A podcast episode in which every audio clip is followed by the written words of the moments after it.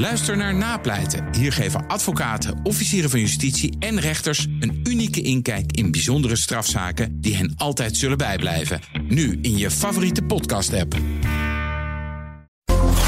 BNR Beurs wordt mede mogelijk gemaakt door Bridge Fund. Make money smile. BNR Nieuwsradio. BNR Beurs. Jelle Maasbach. Welkom de eerste van de week, de day before het grote Sinterklaasfeest. En wij, wij pakken alvast uit met het nieuwe BNR Beurs. Het is maandag 4 december, de dag dat de goudprijs een record brak. De goudprijs zit in de lift en heeft het hoogste niveau ooit bereikt. Op de metaalmarkt betaalde je vandaag voor 31 gram goud zo'n 2100 dollar. Mede dankzij de zwakke Amerikaanse dollar stijgt de prijs van goud al wekenlang. Geen gouden dag voor de AX. De beurs die sloot een tiende van een procent lager onder de 771 punten. Als het fonds dat het meeste daalde.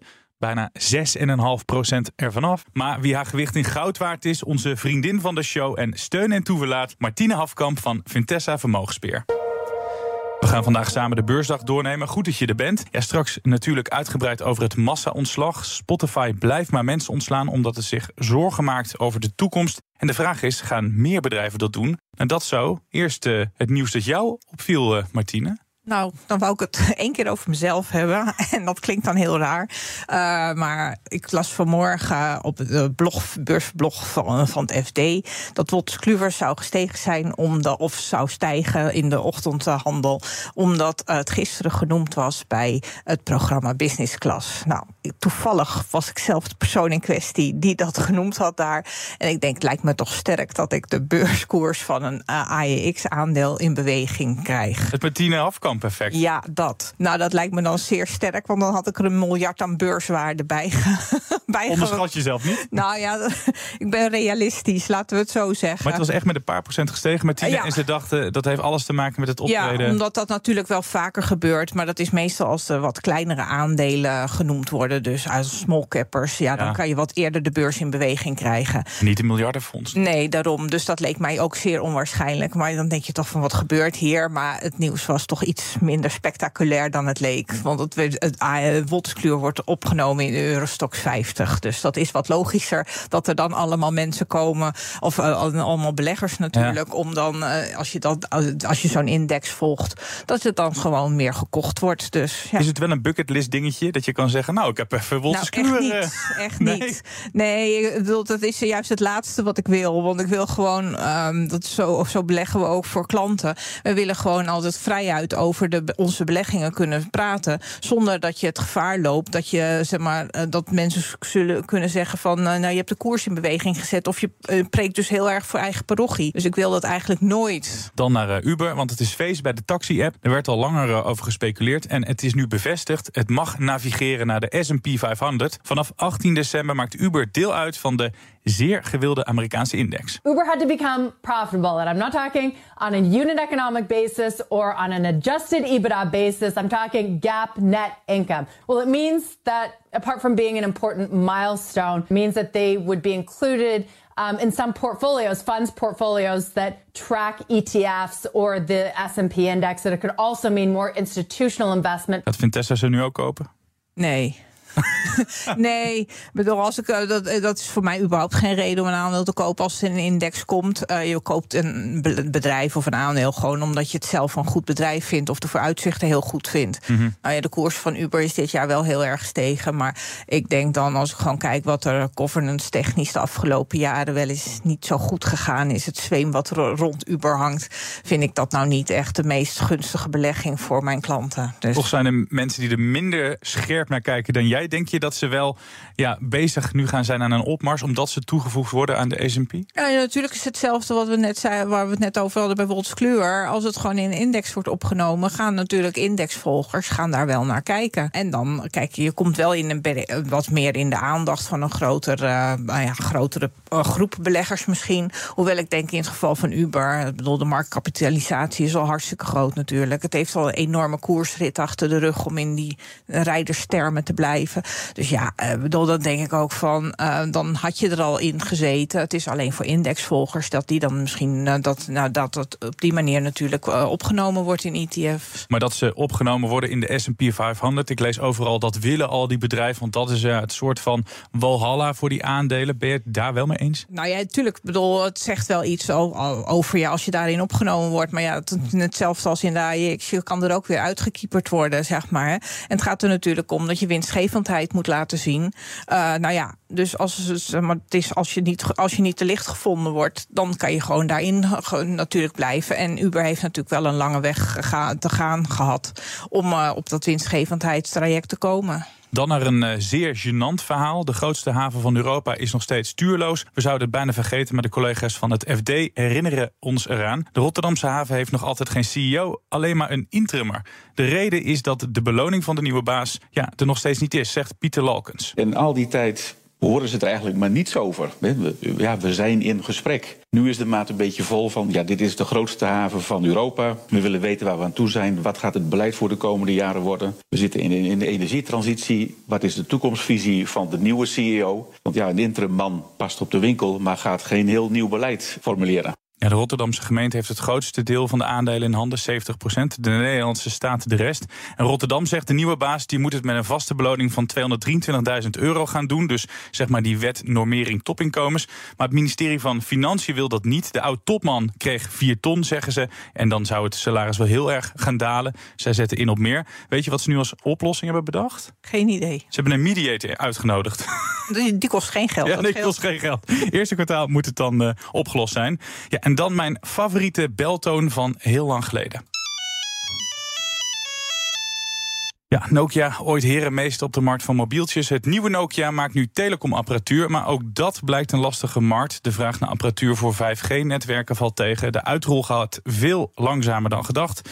En Nokia moest daardoor een tijdje terug nog 14.000 banen schrappen. En nu krijgt het mogelijk weer een flinke klap, want Nokia dreigt een belangrijk Amerikaans contract te verliezen. AT&T een Amerikaanse provider zou Nokia willen dumpen. En daar waren beleggers niet heel blij mee. Het aandeel ging maar liefst 6,5% naar beneden. Een koopje missen kan gebeuren, maar medicijnen missen natuurlijk niet. Hoe erg is het dan om een farmaceutisch aandeel te missen dat later een blockbuster wordt? Wordt het zo?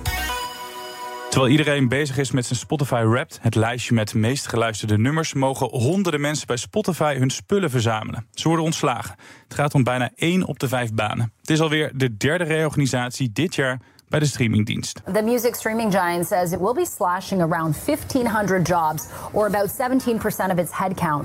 The cuts come after the company let 600 employees go in January and 200 more in June. Affected employees will be given about 5 months of severance pay. Spotify is one of several tech companies that have started reducing their workforces again after cutting jobs at the start of the year. De economische groei is dramatisch vertraagd, zegt de topman. Daarom zouden deze pijnlijke bezuinigingen nodig zijn. Ja, drie ontslagrondes in een jaar, Martine. Wat gaat er mis bij uh, dit bedrijf? Nou ja, ze hebben natuurlijk uh, heel kwistig met geld gestrooid. Uh, met goedkoop geld moet ik er dan bij zitten tijdens corona en zo. Mm -hmm. En wat je ziet, nou ja, het is een Zweeds bedrijf, maar ze staan in Amerika genoteerd. Nou, in Amerika is toch altijd de aandacht iets meer op aandeelhouderswaarde dan op zeg maar, de rest. Ja. En je ziet dus ook eigenlijk, dus, nou ja, en dan is uh, snelle halen, uh, grote halen snel thuis. Dan is het makkelijkste wat je kan doen als je dus aan je winstgevendheid wil werken, is personeel eruit gooien. Klinkt ook als de vrij makkelijke, misschien wel de makkelijkste. Ja, want dat levert gelijk een enorme besparingspost op. En nou, je ziet ook dat het op de beurs heel erg gewaardeerd wordt. Dat dus Amerikaanse beleggers, zal ik dan maar even, even kort, heel kort door de bocht zeggen, die zijn er heel blij mee. Is het volgens jou ook de manier om dan maar heel veel mensen eruit te gooien? Nou ja, het is als je zegt van het zijn heel veel mensen die zijn toch met van alles bezig, maar eigenlijk niet zo met de operationele gang van zaken. Dan denk ik dat er ook wel een paar uit kunnen. Maar ja, bedoel, uh, ik, ik zit niet helemaal, ik zit natuurlijk niet bij Spotify aan de knoppen. Dus ik weet niet uh, hoe ze dat precies ingedeeld hebben. Maar ja, bedoel, als, je, als je blijkbaar zonder uh, zoveel mensen kan, ja, dan heb je misschien wel heel erg vooruitgelopen op van alles en nog wat. Ja, want normaal zie je dit bij kwakkelende aandelen. Dan kan je het al zien aan de koers van als ze heel erg zijn achtergebleven. Het gaat niet goed, ze moeten ingrijpen. Maar als je kijkt, dit jaar zo'n 130 procent erbij. Ja, wat dat... zien beleggers dat de directie dan niet nou, ja, zien wel natuurlijk de, de groei. En uh, wat Spotify heeft gedaan is natuurlijk wel de abonnementsprijzen verhoogd. Nou ja, dat werkt ook altijd gelijk door in het resultaat. Uh, zijn nog steeds wel Heel veel mensen die hebben gewoon een gratis abonnement met reclames. Nou ja, daar gaat het eigenlijk ook allemaal wel goed mee. Maar als je natuurlijk heel veel overhead hebt, nou ja, dan is het heel makkelijk om, om daarop te bezuinigen. Mhm. En als je dat, nou ja, dat, dat komt gelijk in je winstcijfers ten uitdrukking. Dus ja, dat, is, dat snap ik het wel dat ze dat dan doen. Is Spotify volgens jou een goede beleg? Nou, als je kijkt naar zeg maar wat je er zelf onderaan de streep is het nog best een heel duur aandeel. En ik, dan is dat niet, die staat niet, ook niet bij mij op de wensenlijst, zeg maar. Hè. Want het, is, ja, het zijn allemaal van die businessmodellen. Ze zijn zelf ook het verdienmodel een beetje aan het aanpassen natuurlijk. Omdat Mhm. ze ook zitten met die algoritmes. En ook dat dan bijvoorbeeld weer artiesten pas betaald gaan worden... als ze niet alleen duizend streams hebben... maar dat dan ook van 50 verschillende adressen komt.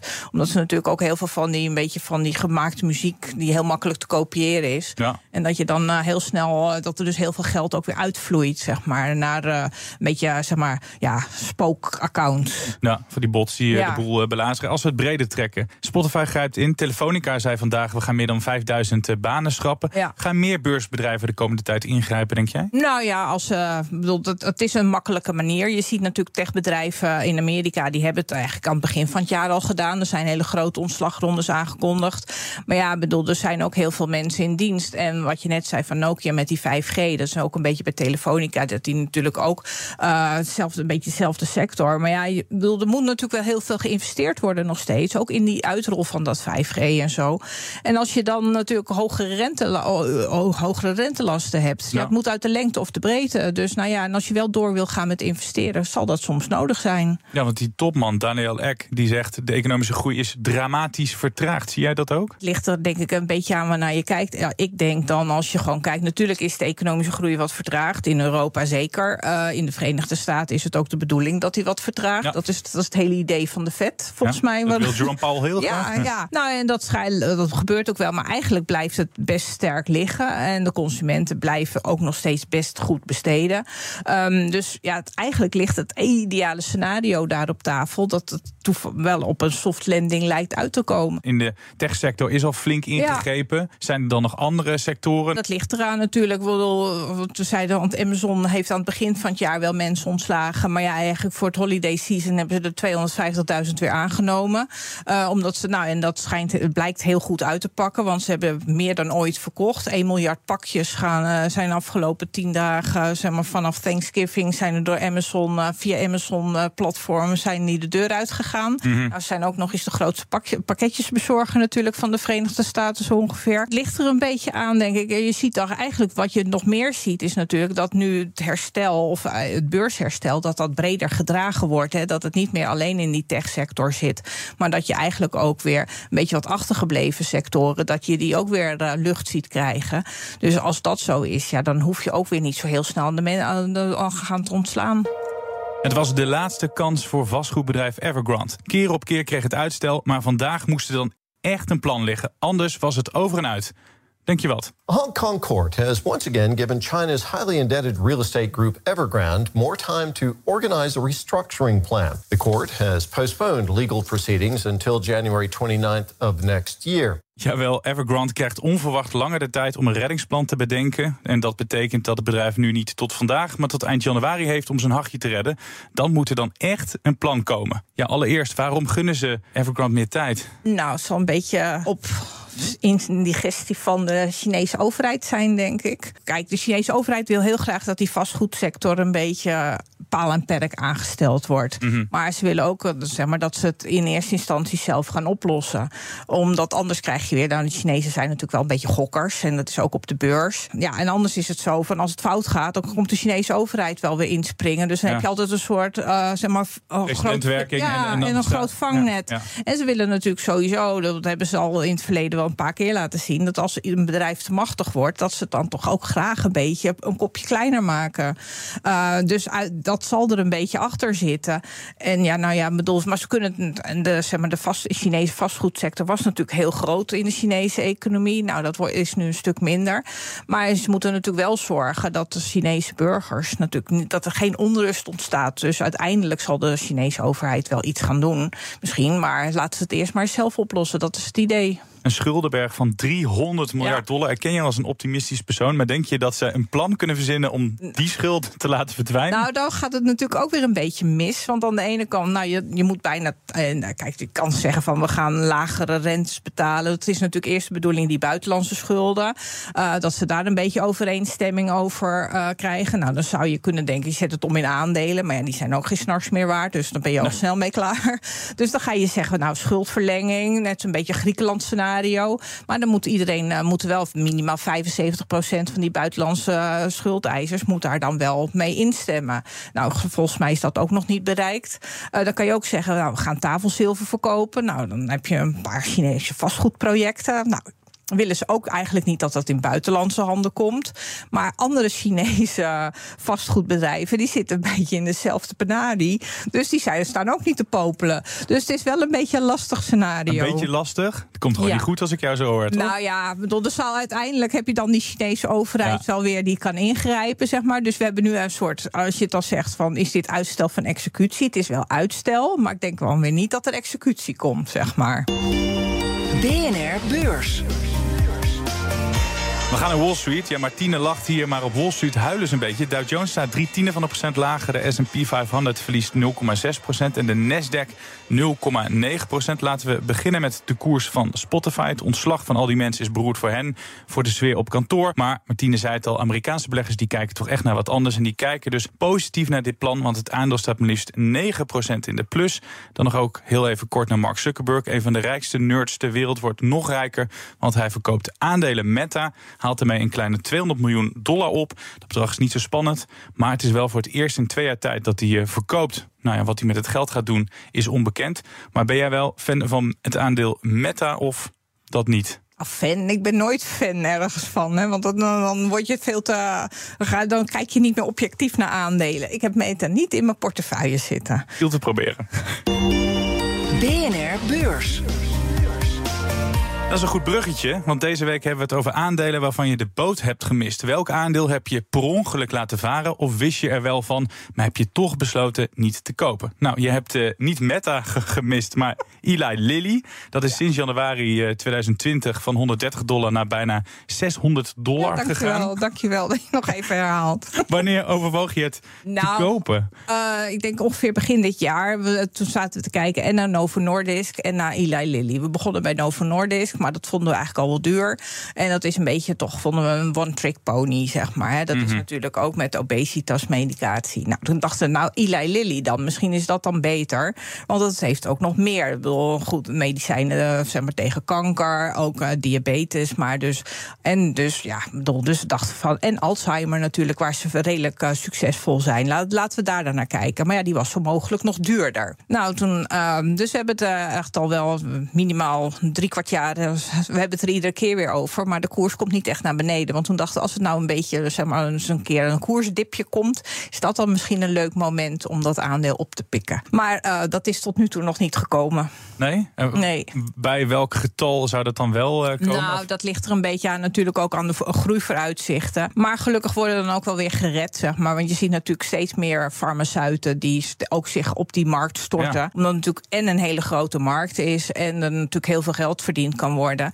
Uh, nou ja, wij hebben Roche in portefeuille. Nou, dat kwam natuurlijk vandaag ook weer met een nieuwtje dat ze dus ook weer een, farma, een, farma, een farmaceut hebben overgenomen. Dus echt die gewoon ook in die, zeg maar, in die uh, zwaargewichtige markt ja, ja. zich gestort, zeg maar. Het lijkt bijna wel een hype. Maar je zegt nou, wel net wat interessants, want je zegt dat Novo Nordisk is bijna een one-trick pony. Dus je wil eigenlijk ook op een bedrijf die op wat meerdere ja. paarden wet. Ja. Want alleen op die afvalhype, laten we het zo maar zeggen, wil je ook weer niet gokken. Ja, nou, het, het is ook, gaat natuurlijk wel verder dan afvalhype. Hè, want het is natuurlijk gezondheidszorgtechnisch. Dat is, uh, is er ook heel veel bij te winnen als minder mensen zwaarlijvig zijn. Want dan ja. hou je ook heel veel andere ziektes uh, hou je onder controle. Of die kan je voorkomen. Uh, dus daarom is het, het zijn niet voor niks. Al die andere farmaceuten zijn er ook mee bezig. En dan zegt Pfizer wel, we trekken één medicijn terug. Want eigenlijk worden mensen er alleen maar misselijk van. Nou ja, dat is ook handig. Maar niet zo handig als je gewoon gewoon wil doorleven, zeg maar. Maar uh, nou ja, Roche, even een paar jaar geleden is er ook mee bezig geweest met het ontwikkelen van zo'n medicijn. Uh, toen hebben ze het ook gestopt. En nu denken ze, nou, we gaan wat uh, kortere klappen maken. Dus we nemen gewoon een andere over. Ja. En dan gaan, maar ja, het is een hele grote markt. En um, wat natuurlijk het idee erachter is, dat als er meer fabrikanten komen, dat het dan ook in prijs naar beneden kan gaan, die medicatie. En dat het dan ook natuurlijk voor eventueel grootschalig ja. vergoed zou kunnen worden. Ik weet niet of ik mijn entertainment kennis moet delen in BNR Beurs, of ik dan word ontslagen. Maar ik zag dat Nicole Kidman bijvoorbeeld ook dat medicijn had het helemaal niet nodig. Dat gebruikt nee, ook een afslankmedicijn. Ik dacht dat die toch al redelijk slank was. ja, dus je hebt ook sterren die maken een beetje misbruik van. Dan ja. heeft het ook weer slechte uitwerking op, ja. op het medicijn. Maar um, ja, ga je het aandeel uiteindelijk nog afschaffen? Nou, dat, dat weet ik dus niet. Want omdat nou Roche ook uh, daarmee verder gaat... dan uh, dat is natuurlijk, als je dan weer kijkt naar wat ondergewaardeerde... In de, in de farmasector, dan is Roche er eigenlijk wel weer één van. Nou ja, daar zit ik in. En dan heb je ook veel meer, ook weer veel meer medicijnen. Dus heb je een veel betere pijplijn.